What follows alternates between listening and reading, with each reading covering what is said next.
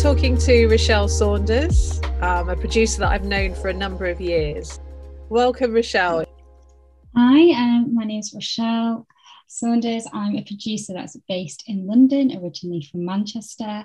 Uh, my specialism actually spans across the arts with literature and education. Lovely to be talking to you. And I think we met maybe around 11 years ago at the South Bank Centre. Um, and at that time, you were studying for a degree, I think. Yeah, when we met, I had actually just graduated from SOAS, the School of Oriental and African Studies, where I'd done a BA in politics. And I found the degree to be really intellectually stimulating. And I was trying to find ways of applying it in a way that's outside of traditional political spaces and activist spaces. Um, I've had a long history of working in the performing arts. I trained as a dancer from the age of three, and I was doing that up until I was 20. Um, and I found that creative practices is a really good way of sharing your political ideas, and it's a really good way in which people can digest them in a way that seems can often seem less intimidating and they could be more receptive to the ideas in that way. So for me, following my degree, I wanted to find ways that I could do that creatively and interestingly. So, Rochelle, what was your journey or the main steps of you becoming a producer? Um, it was actually quite accidental, my journey into becoming a producer. I I had just finished my degree and I wanted to find a way to apply my learning and deepen my learning um, around political issues and social justice issues in a creative way and ways in which that I felt uh, could engage people to take action and call to actions. At first, it started out actually uh, volunteering and working with Tilt Spoken Word and then Renaissance One, gaining some practical um, hands on experience of working in the arts. And I just absolutely loved it. I thought it was really, really good. And it is never crossed my mind to work in that way. Despite going to the theatre and engaging with arts and cultural institutions throughout my life, I never really thought about it as a career option. Uh, I didn't know the many different ways in which uh, the arts comes alive. You know, I was always seeing the final product. I knew I didn't want to be on stage, um, but I always enjoyed the buzz around those spaces. So, um, volunteering then after my degree was a great way for me to kind of learn and then obviously mentoring with yourself melanie was just invaluable. Getting to understand that there are so many different ways to do this. Um, and i was all i've always been really really fixated on the application and allowing people to feel open to learn. So education was something that I've been interested in doing for many, many years as well. So I went and trained to teach and then went into schools and taught for a while. Um, but I found myself in each teaching job and each teaching role finding ways to bring more creative opportunities to the students. I was finding myself producing little festivals or uh, organizing cultural trips and then it slowly became obvious to me that that was the aspect of my job that I enjoyed the most. So, whilst being in the classroom was really good, it was the more kind of making and creating artistic ways of applying knowledge. So, I decided to um, return and work for Renaissance One for a while again and really give that a good go this time. Um, and I supported myself to take a master's at the University of Arts London, which again helped me to kind of gain confidence and to learn what was going on in the arts at that time because I had taken a bit of an, a formal break. And it was really good to do that degree. I don't think it's an essential part of doing this work by any means, but it can help if you are in a position to do that because you can learn a lot about best practice, you can create new networks, but there are, as I say, many other ways of doing that that don't cost a fortune. um, and then after that, I kind of gaining some skills and gaining some confidence. Um, I've just kind of pursued it from there really and just trying to find new and interesting creative ways to keep my career going. And uh, one of the people we have in common is the um, artist, photographer, performing artist, also hip hop theatre practitioner, um, Benji Reid. And one of the things I've always felt about Benji Reid and other artists is the way that they have levels of versatility and work across different platforms. Was Benji or were other artists a kind of influence on you with regards to thinking that you could work kind of fluidly across different artistic practices? Massively so. So Benji's actually uh, my cousin, so we're blood relatives. So I felt felt really fortunate to have that kind of influence within the family, um, and I've been exposed to the arts throughout my life since I was a young child. Um, working fluidly, actually, it took a long time for me to recognize that working fluidly is a good way of working. There's a lot of emphasis, especially in academia and in schools, that you have to kind of choose a, a career path from a really young age and just go for it steadfast and maybe like don't divert from that. But I think there's something about my actual personality where I'm more engaged and stimulated and I perform better when there is a variety of things going on and when things really spark my interests and because my interests are quite diverse um, i tend to get so much more from working when i'm able to kind of pick on that and kind of really use the passions of other people as well to make things happen. So a range of artists and art forms have influenced the way that I want to work. Um, and I take a lot of inspiration from people who dedicate themselves to artistic practice, definitely. And what would you say is the main difference between being a creative producer and a producer? Um, I think I see being a producer in a similar way to being a project manager. Maybe I think um, not always. I definitely use the terms creative producer and producer interchangeably.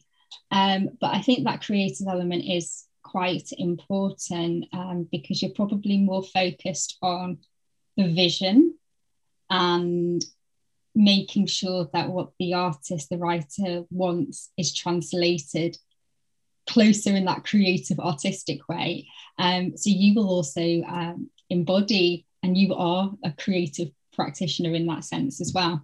Whereas I guess more kind of producer project management, you may be less inclined or less aware of that visionary element and work towards more kind of, you know, your Gantt charts and making sure things are happening on time and timesheets and things.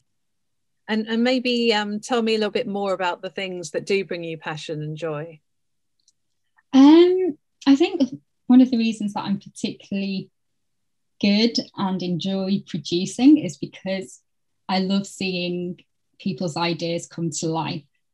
Um, and I think that was the part of teaching and education that I really liked. I really liked that light bulb moment, or when someone starts something and then they make it into what they wanted. And with a bit of guidance and a bit of support, they're able to kind of fulfill their ideas and maybe even go beyond their ideas and be so happy with it so that's a massive thing that I really enjoy actually.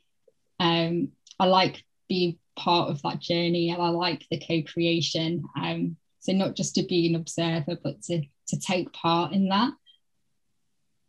What projects have you been most excited about or do you feel happy about achieving? I really loved the work that I have done around Caribbean literature.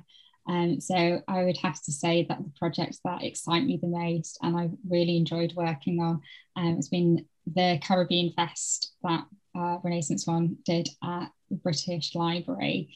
Um, I get to learn so much about myself. I have a sense of detachment from my Caribbeanness, even though I was raised in a Jamaican home in the north of England. Um, there is so much more to understanding and learning that you just don't get in the British education system, and you only get snippets. Um, so, any opportunity that I get to work with artists and writers from across the Caribbean have always been my favourites. Um, yeah, definitely. Would you say having kind of people skills and being able to adapt to the different personalities within artists and the creative people they work with is is important? I think it's one of the most important skills actually. Um, because especially well for everyone but with artists in particular my experience of working with artists is they're often really given part of themselves away through their artistic practice so it puts them in a very vulnerable position um, and they may not all, always be thinking about the details and the ways in which that a producer would be um, especially thinking about you know particular organization elements or uh, the practicalities. um, so it's quite sensitive. You know, we have to remember that what we're doing is sensitive work. Um, yeah, I think being good with people is really important, but also makes it enjoyable. You have to enjoy working with people and the different things that they all bring to the table and the different ways that they'll present themselves in different days. And again, um, it was something that I really enjoy and still enjoying that education journey um, because schools and education settings are like little petri dishes of wider society. So you get to see it all and kind of develop based on that. I wondered if you could talk a little about what your own take is on resilience and well-being, um, not just in terms of how important it is to you and how you practice it, but whether being a producer has actually helped with that at all? Um, so, my well-being is the most important thing to me. Actually, um, it's something that I'm very proactive about. I have lots of uh, well-being and wellness practices that I practice every single day. Um, or I try to. So, trying to make sure that I've got good balance around work and health um, is vitally important. And I guess in terms of producing, realizing that that was what I wanted to do at this point in my life was a massive part of my well-being as well. I chose to leave a secure, well-paid job to do this because I knew ultimately that would be something that would make me happier.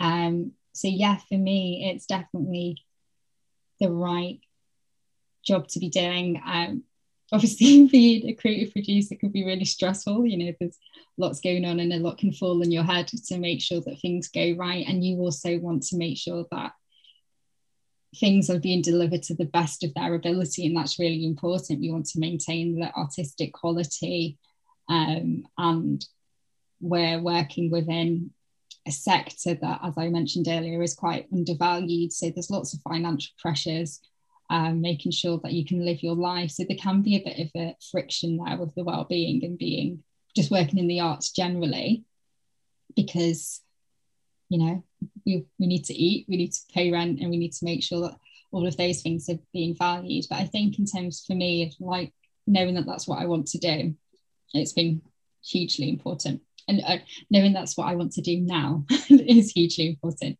because I don't like to fix myself. I don't think that's healthy it's been something I've been exploring a lot more over the past few years as it kind of dawned on me that a lot of the projects that I was producing, although it was kind of the back of my mind, I hadn't really thought about how sometimes how they were quite autobiographical, um, either in terms of some of the themes that were being explored or or even the artists that I was gravitating to, even though it may have been that they approached me. There were actually kind of links between us or connections you know which as the years go by i kind of realized that in some ways i was sort of gently curating opportunities and possibilities as you know amidst kind of applying for things that were around. Um, because i i had um, i had a mixture of issues but also difficult questions that i was in a way solving through the work choices that i made you know. Definitely. I think this uh, for me anyway there's a, a lot of self-discovery in the practice. Um and I can feel a bit like oh is this like a big kind of selfish ego trip but it is true that's there's a lot of self-mastery coming out of it in terms of um, trying to create things that I either felt I didn't have access to or the the gaps in the market can seem like a very capitalist way of looking at a problem, but also the gaps in the market can be like, where did I feel that I wasn't really catered to? Where do I think that people who think similarly to me or had similar lived experience to me could gain something from it? Um, how can I create the communities that I feel I didn't wasn't able to access, even if they exist in different spaces at different times. Um, how can I do that through my work? Yeah, and maybe that's why we are now, you know, working together 11 years on because there are still things to be solved and so many and, and, and events and projects to be produced, you know. So because I think also one of the things that I was experiencing at the time was I was I was in a way being a producer in service to a range of artists and creative people but within what i was helping to facilitate and develop for them often i was gaining them bookings or we were doing events or we were producing tours. And a lot of that was around their visibility their visibility often as artists of color because i tended to gravitate towards artists of color um, there were a great many you know women artists. There were artists maybe with disabilities. Essentially i was focused and i had a, a really wide ranging intersectional approach. And i didn't even know the term intersectional in those days. It was just the way that i was you know. Yeah. Um, i guess one would call it marginalization. And the reason it was around marginalization was because i was feeling a sense of marginalization. I was feeling that i didn't have a voice so i was naturally gravitating towards various aspects of kinships you know and now that i can actually describe it and, and kind of come to an understanding of what i was doing in in a more clumsy way those many years ago yeah. Mm. you know i now feel that i can at least be more prepared and i can be more of a curator going forward now that i have that knowledge of of, of what i was doing and some of the processes that i've developed and stitched together along the way like once you realize that actually what I was doing actually served a really important purpose, um, you well for me, I gained more confidence in following that through. Um, because I was like, actually, this isn't not only important to me, but I can see how this could be important to lots of other people too. And there is real value in doing that and working in that way.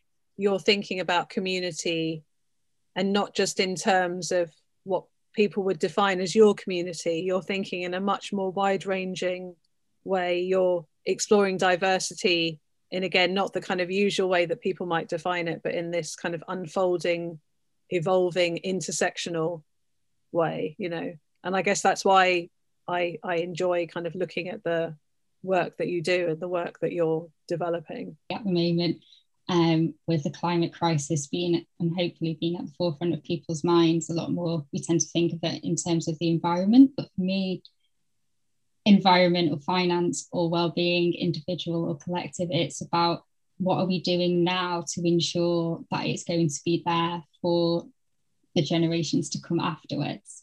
And what am, what am I doing now as a practitioner to make sure that I can do what I enjoy in 10 years' time and that I'm avoiding burnout? Um, I can't actually think of any kind of prime examples because I think there's a lot within the creative and cultural industries that works against people being able to gain this sustainability. I think the precarious nature of work, um, the ways in which projects are funded, I think the ways in which the arts is frequently disregarded as being as important as it is to society means it's really, really hard. Um, but with that said, there's obviously organisations like Renaissance One, and I know I'm really biased in saying that, who have managed to weather storms and continue going. And after 20 years, still here creating new work, adapting to the times, keeping um, the finger on the pulse of what's important to artists and also what audiences enjoy, and having that flexibility and adaptability. Um, to keep going. And I think there's a lot in that kind of model. Um, I think smaller independent organisations who have not been historically as reliant on, say, the Arts Council for funding, um, which can be incredibly changeable to different political ideas um, and different political priorities probably tend to do quite well as well. Um, but I think, yeah, there's a lot around the sustainability. It's not just financial, it's not just environmental, but it's also how you care for yourself and care for the people that are part of your organization. I think um, thinking about health and wellness, I think there's like the eight terms of wellness, which includes, you know, financial health, um, mental health, different forms of resilience. Uh, those organizations, those collectives would probably be in a better position to do that. Um, I'm so glad you said that actually. No, I, because I think uh, the sustainability that's often spoken about in the media and the mainstream press is more about climate change and more of those kind of global issues when actually um, you know when we think about sustainability in terms of our own practice we're also thinking about having agency and developing agency and enforcing yeah. and prioritizing agency and i just think that aspect is so important for sustainability and and often it's not really explored or talked about in terms of if we don't take some level of control over being able to identify power as it exists and being able to kind of do things with it then nothing we do will really be that sustainable. Absolutely. And when that power is taken away from you and when you're being defined by others you are not empowered and that's not sustainable. You can't live in outside of an identity of what's your own or who you believe yourself to be. And that can be at an organizational level or it can be down at an individual level. Um, so yeah i think sustainability is a hugely important term but i think we need to think of it as holistically as possible and as largely as possible because it's no one thing it's all the things that create um, the prime opportunity for anything to move forward, to thrive, and to sustain itself. Yeah, thank you, Rochelle. And and I think in some ways the way that you've summed it up reflects um, an aspect of your practice in terms of thinking around and thinking through um, a range of things as opposed to you know having maybe a more rigid or narrow mindset would you say that the fact that you you do display and you have a lot of openness within your practice does that sort of then lend itself to being able to be quite creative as a producer? Because a producer generally has to very much think on their feet and be quite adaptable. Would you say that you you know is that something that you kind of practice or is that something that you felt that you had for a long time or is it something within your family dna um, i think i'm gaining a self-awareness more recently that it may be part of my DNA, but um, historically I've not always appreciated that part of me. I've um, I think you know when I was growing up, I heard a lot around you know being a jack of all trades and a master of none, and the idea that to to kind of spread yourself out and to think and explore lots of different things is a negative, um, and not actually a re and now I see it more as a really good way in which to kind of get a level of self-discovery. I think through the things that I do and engage with, I get to learn more about myself and my positions, my values, and what I can contribute to the world and to my practice. Um, and I think it's a really beautiful thing and a really good thing to be able to go that way. Um, but ironic, not ironically, but my parents who always encouraged me to embrace my fullness.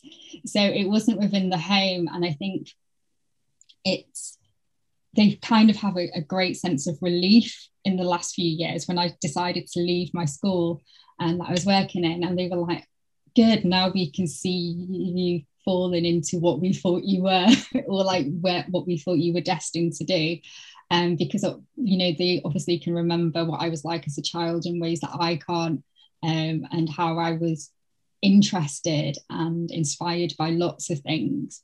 Um, and I think I don't know. I just kind of got into a point where I was just trying to close myself and make myself smaller and smaller and conform more.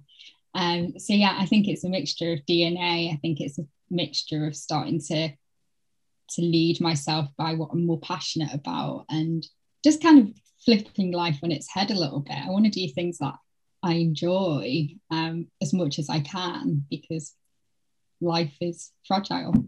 So we should. Have you um, encountered any tips or kind of wisdoms that you could share with an emerging producer or someone who wants to break into the field? Um, I'd say keep an open mind. Um, yeah, keep an open mind. Uh, it can be incredibly difficult to find different ways of working within it, and you may accidentally find yourself working with it. But if you can keep an open mind to different opportunities, um, it will probably put you in a really good position. Uh, make sure that you've got your personal finances in order as well. So, you know, make sure that you're taking care of yourself in all the ways. Um, it's for many people anyway, it's not going to be just like a, you know, you go in LinkedIn and you find the job and you get in it and you've got like a really stable income straight away. So you will have to think about the stages and making sure that you've got as much security around you as possible. Um, yeah, I think keeping an open mind is probably my number one tip. Yeah, no, that's a great tip. And I think as well, having an open mind would also potentially connect you to those possibilities you might not think of otherwise you know because I, I, guess one of the things i've noticed is that a lot of producers at least the ones that i'm aware of you know including myself you, you can eventually start getting more work based on strong friendships and associations you've had over the years.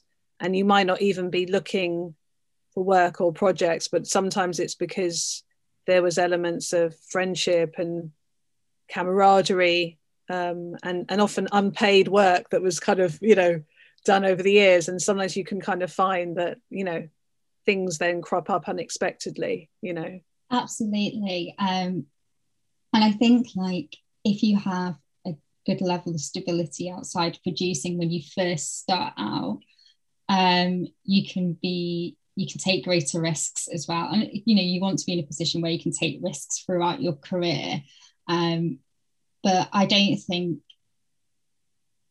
sorry, I don't really know who's gonna go with that. But yeah, I think keeping your options open and thinking about don't always go in with an agenda actually i think of what you can take out of it i think let things be and let processes flow and if something doesn't feel right it probably isn't right as well.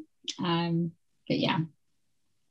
Um, uh, based on that, if something doesn't feel right, um, I've found over the years that um, some of the most kind of supporting for myself as well as for for people within it projects that have taken place have come through um, being kind of carefully kind of shaped from scratch as opposed to kind of you know those things that you see in the kind of major advertise you know adverts or kind of press and media those kind of mainstream jobs that are that are offered.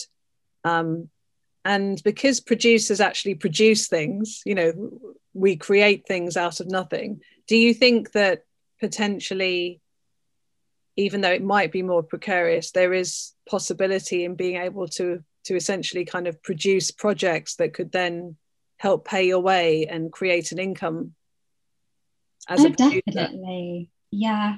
Um i think i think you hit the nail on the head then. It's like we create so as much as we're creating work for ourselves and with others we are creating our lives through our work as well.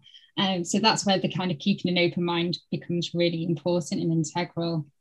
Um, because yeah you can and the aim is to be able to have very little and create something um, that sustains you in more ways than one. It's definitely possible and i think we're going to have to especially in a post-pandemic world be thinking about that a bit more it's definitely something that i'm going to be thinking about a lot more i think be mindful of the grey areas around your values. um, I think that's just a good um, tip just for life and working life. There might be some projects that you do from an ethical perspective uh, that might be a bit of an easy win, um, but aren't actually part of what your practice is or what your practice is about. Um, so I, I guess that's kind of what I was saying about like do things that feel right and try and avoid things that don't. Would you say that you're increasingly doing that? Because I, I've noticed that, you know, since I've known you, you've branched out a lot more and you've also set up your own kind of business in partnership and and there are so many different kind of offshoots that you're developing and involved in definitely i see it as part of my personal development more so than my career development and it's kind of a really good thing that there are ways in which that i can create a revenue income and a career out of that too um, because i believe that life is really evolving and that i'm transforming constantly I'm intrigued with the ways in which that I can apply myself to different things and see what I can make of that. Um, I don't want my work life to become my whole identity, but I really enjoy the ways in which that I can explore that and to create new things. Um, and it's definitely becoming more of a way in which that I want to work as I I'm getting older because I'm gaining more confidence in that too and uh, kind of stepping into my own reality and stepping into what I think I want to do and what I want to put out into the world. I think that takes a bit of time really to gain that confidence and know how to do it. And there's a lot of learning and evolving with that and accepting that things aren't finite and don't need to be finite. So, yeah, I think over the years it's becoming more the way I want to be. Um, and I hope to do a lot more in the future, definitely. I think what you're saying about um, it taking time to develop the confidence to um, seek out or go for what you really want or what your kind of values is is really important. Do you think it's also a thing as well of um, the outside world and peers and others kind of recognizing what you have to offer? Because I think sometimes when we're working in this field, we're often learning the craft and the kind of art of the thing but actually what we're also bringing is a whole backlog of personal experience of heritage of various cultures um, which also in itself is a kind of rich seam of of practice as well and um, i think I, only in the last kind of decade or so have i actually begun to acknowledge all that i'm kind of bringing through family history and heritage and culture alongside the things that you formally learn. Have you kind of found that that's been your experience as well? Absolutely. And not only just my cultural heritage as a Black Jamaican part of the diaspora, um, but also just being a woman. I think there are many ways in which that we are encouraged to be quite limiting um, and limit our outputs. and I think I've dedicated a lot of the last three years in particular into unlearning the ways in which that I feel that society as a whole tries to kind of contain you. Um, so I think one way, like for me, I spent a good seven years working my way through the education ladder, getting into a fairly senior leadership position in a school. I had a moment when I realized how have I found myself here? I'd kind of really followed um, this kind of caregiving, pastoral uh, identity that I think, you know, is naturally part of me. Um, and I was good at it and I enjoyed it to a certain extent. Um, but maybe some cultural ideas that of not being too creative or not being too seen or to divert too far away from safety and security that you get in those kinds of roles.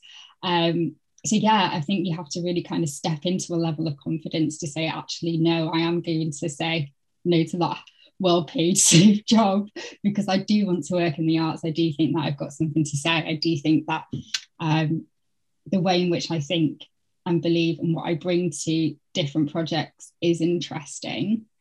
Um, and obviously like blackness and race and trying to carve out spaces in traditionally very white and conservative spaces as well, and also being able to say, you know, I am high arts and or redefining and shaking high arts or thinking about what is valuable and what is good. And yeah, I, I think it's all intertwined with confidence because ultimately you need to believe that you are valuable and what you have to say is good too. Um, and there's a lot around the way society is organized that can make you feel that that's not really the case. So you have to do a lot of digging to kind of get there. And I think for a lot of women and um, people of colour, that unfortunately comes a little later in life. Yeah, and, and I guess that confidence as well is something that we can gain through solidarity and through fostering networks and through looking around us, you know, and to the side of us and actually moving along with our peers as well. Because I think sometimes as well, there might be a tendency to always look upwards to, you know, kind of named leaders and visible leaders when actually we're all kind of leaders um, in in various guises, aren't we? And I think it's it's becoming clearer now that a lot of those kind of mainstream aspects are being shattered and when you look around this kind of thing of this the difference between community and mainstream is is a bit kind of um, murky um, nowadays. Are you finding that? Yeah, I really agree with that. Um, also, the power of the niche, um, and I feel again in the last couple of years, in particular, the more marginalized or nuanced niche areas of creative practice and thought are gaining more traction or people are feeling safer to organize in smaller groups and make their things happen and finding ways to co-create and to find funding and resources and to support that. And i think you know on a large scale we can see some of the negative results of people going off into factions but there is also a lot of positives that can come out of that where we're able to really appreciate the things that we are united by and make them grow and flourish. And i'm finding a lot of positivity actually in the ways in which that smaller more independent practitioners are coming together to form collectives or to create day festivals or weekend festivals or different ways of working to make things happen and make things happen in a way that's more sustainable and independent from large funders, institutions, or those kind of traditional leaders, as you said, that we saw before, because we don't need to go and follow that route. We can start creating our ways of doing. And I don't think that's a massively new idea. We could just look at history and the way in which that people have organized in the past. But I think one thing that we need to really hold on to at the moment is the sustainability. Um, I think there's been some beautiful, amazing projects that have allowed us to get to where we are at the moment. But are we going to continue to hold hands? Are we going to continue to work collectively to keep going?